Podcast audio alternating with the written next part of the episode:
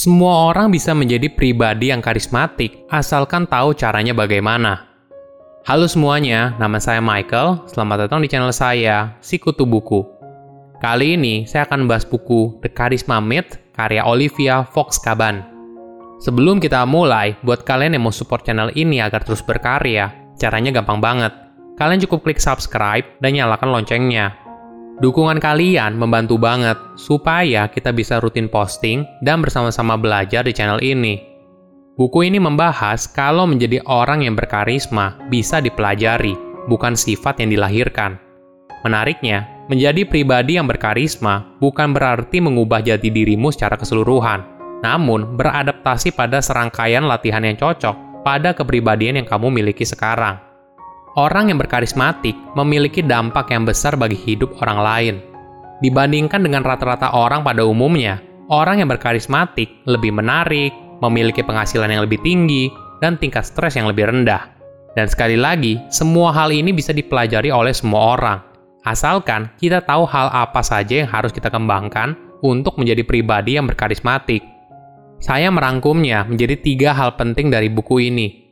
Pertama, semua orang bisa punya karisma. Siapa yang terlintas di benakmu saat memikirkan orang yang karismatik? Mungkin kamu memikirkan seorang artis, teman, atau kolega yang membuat semua orang terkesan. Kamu mungkin juga percaya bahwa orang-orang ini dilahirkan dengan karunia karisma, sedangkan kamu tidak memiliki bakat atau kepribadian yang tepat untuk menjadi karismatik. Kabar baiknya, semua ini bisa dipelajari. Seperti keterampilan lainnya, kamu dapat mengembangkan karakter yang berkarisma, tidak peduli betapa kamu merasa kalau dirimu tidak punya karisma sama sekali. Menjadi orang yang berkarismatik bukan hanya perlu dimiliki oleh para pemimpin, namun karakter ini dapat membantu kamu dalam kehidupan pekerjaan dan pribadi. Orang yang berkarismatik biasanya akan lebih didengarkan, dihargai, dan dikagumi. Persepsi ini akan membantu kamu dalam kehidupan nyata. Sebagai contoh, di dalam kehidupan pekerjaan, karisma akan membantu kamu untuk mendapatkan pekerjaan. Idemu didengarkan dan diadopsi, menarik talenta baru, membuat orang ingin bekerja denganmu, dan sebagainya. Sedangkan di dalam kehidupan pribadi, karisma akan membantu kamu untuk mengaruhi lingkungan sekitarmu, mulai dari keluarga, pasangan, teman, hingga komunitas lingkungan sekitar. Fakta menarik lainnya soal karisma adalah karisma bukanlah sesuatu yang selalu muncul dan dikagumi setiap saat. Seseorang mungkin akan sangat berkarisma pada satu hari, dan pada keesokan harinya dia biasa aja.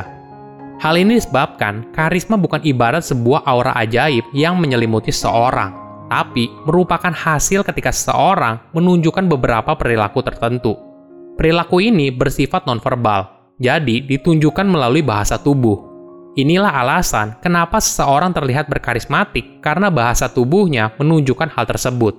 Contohnya begini, artis yang sangat berkarismatik yaitu Marilyn Monroe dapat ibaratnya berpindah persona antara Marilyn dan Norma Jean. Di suatu hari, Norma Jean dapat naik subway tanpa adanya satu penumpang yang menyadari kalau dia itu siapa. Namun saat dia sampai di jalanan New York, dia bisa bertransformasi menjadi Marilyn. Mungkin kamu penasaran bagaimana caranya? Hanya dengan mengubah bahasa tubuhnya, mulai dari mengatur gaya rambutnya dan sikap badan yang berbeda, maka semua mata sudah tertuju pada dirinya. Ini fakta yang sering kali luput dipahami kalau menjadi pribadi yang berkarisma merupakan hasil usaha hingga akhirnya orang tersebut dapat melakukannya seperti naluri. Kedua, belajar menjadi orang yang berkarisma. Karisma pada dasarnya adalah bagaimana kamu membuat mereka merasa setelah kontak dengan dirimu ada tiga komponen utama dalam karisma, presence, power, and warmth. Apa pun kepribadian yang kamu miliki, jika kamu bisa menguasai tiga komponen ini, maka kamu akan menjadi orang yang lebih berkarismatik. Pertama adalah presence. Hal ini berarti kamu memperhatikan secara mendalam ketika kamu berinteraksi dengan orang lain sehingga kehadiranmu utuh di depan dirinya. Sayangnya, di era modern, di mana sering kali banyak distraksi, perhatian secara mendalam sering kali sulit dipelajari oleh banyak orang. Perlu diingat, kehadiranmu secara utuh tidak bisa dipalsukan. Lawan bicara kamu akan dengan cepat menyadarinya melalui tanda halus saat pikiranmu sedang tidak fokus. Pada akhirnya, mereka akan merasa tersinggung dan tidak dihargai. Kemudian, hal ini akan menyulitkanmu dalam bangun kepercayaan dengan orang tersebut. Kedua adalah power. Ini adalah persepsi seseorang, bagaimana kau bisa memberikan dampak kepada orang lain. Hal ini bisa datang dari berbagai faktor, mulai dari penampilanmu, persepsi soal kekayaanmu, keahlianmu, dan status sosial. Ketiga adalah warm. Ini adalah persepsi seseorang terhadap itikat baikmu atau mereka merasa kamu akan melakukan sesuatu untuk kebaikan mereka juga. Menariknya, sejarah kelangsungan hidup manusia selalu bergantung pada menemukan orang yang berkuasa dan baik. Dalam situasi yang sulit, kita selalu mencari tahu apakah orang tersebut akan membantu kita dan apakah dia mampu.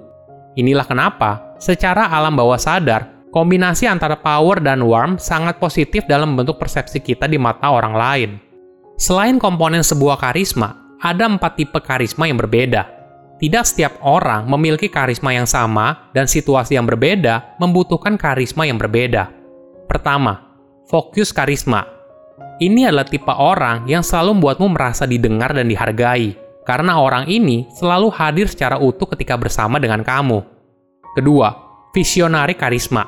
Ini adalah tipe orang yang mampu membuat orang lain percaya pada suatu hal dan menginspirasi mereka untuk mencapainya. Ketiga, kindness karisma. Ini adalah tipe orang yang mampu membuat orang lain merasa diterima seutuhnya tanpa diberikan penilaian apa pun. Keempat, authority karisma ini adalah tipe orang yang membuat kamu percaya kalau dia memiliki kemampuan untuk mengubah hidup kamu menjadi lebih baik. Tipe karisma ini sangat bergantung pada kepribadianmu, tujuanmu, dan situasi saat itu. Orang yang berkarisma mampu beradaptasi dengan menggabungkan atau menukar tipe karisma tergantung pada situasi dan kondisi yang dia hadapi. Ketiga, rintangan untuk melatih karisma. Di awal, tadi saya sempat bahas kalau karisma berasal dari perilaku bahasa tubuh tertentu. Oleh karena itu, kita harus waspada ada dua hal utama, yaitu ketidaknyamanan dalam segi fisik dan mental. Kadang ketidaknyamanan kecil dapat berpengaruh besar, karena akan terlihat dalam bahasa tubuhmu. Ada contoh dari seseorang bernama Tom yang merupakan seorang konsultan yang hampir kehilangan peluang bisnis senilai 4 juta dolar, hanya karena kesalahan outfit yang dia pakai. Saat itu, Tom memakai jas hitam dari Wall, tapi di waktu meetingnya sangat panas, dan Tom duduk langsung kena sinar matahari. Dia menghabiskan pertemuan dengan gelisah dan menyipitkan matanya karena posisi duduknya melawan matahari. Perilaku ini dipersepsikan di mata klien sebagai bentuk kemarahan, ketidaksetujuan, dan insecure. Secara alami, klien mulai meragukan kemampuan Tom. Kedua adalah ketidaknyamanan dalam segi mental ketidaknyamanan mental seperti kecemasan atau kritik diri dapat memiliki efek yang sama. Tom telah menghabiskan waktu sebelum pertemuannya dengan perasaan campur aduk karena mempertimbangkan kemungkinan hasilnya seperti apa. Hal ini lalu membuat dia menjadi cemas dan terlihat dalam bahasa tubuhnya. Dua hal ini penting untuk kamu identifikasi dan lewati untuk menuju pribadi yang lebih berkarisma. Menjadi pribadi yang berkarisma bisa dipelajari dengan hadir seutuhnya, menjadi pribadi yang punya dampak positif bagi orang lain, dan penuh kehangatan, kamu bisa menjadi pribadi yang berkarisma. Silahkan komen di kolom komentar, pelajaran apa yang kalian dapat ketika baca buku ini. Selain itu, komen juga, mau buku apa lagi yang saya review di video berikutnya. Saya undur diri, jangan lupa subscribe channel YouTube Sikutu Buku. Bye-bye.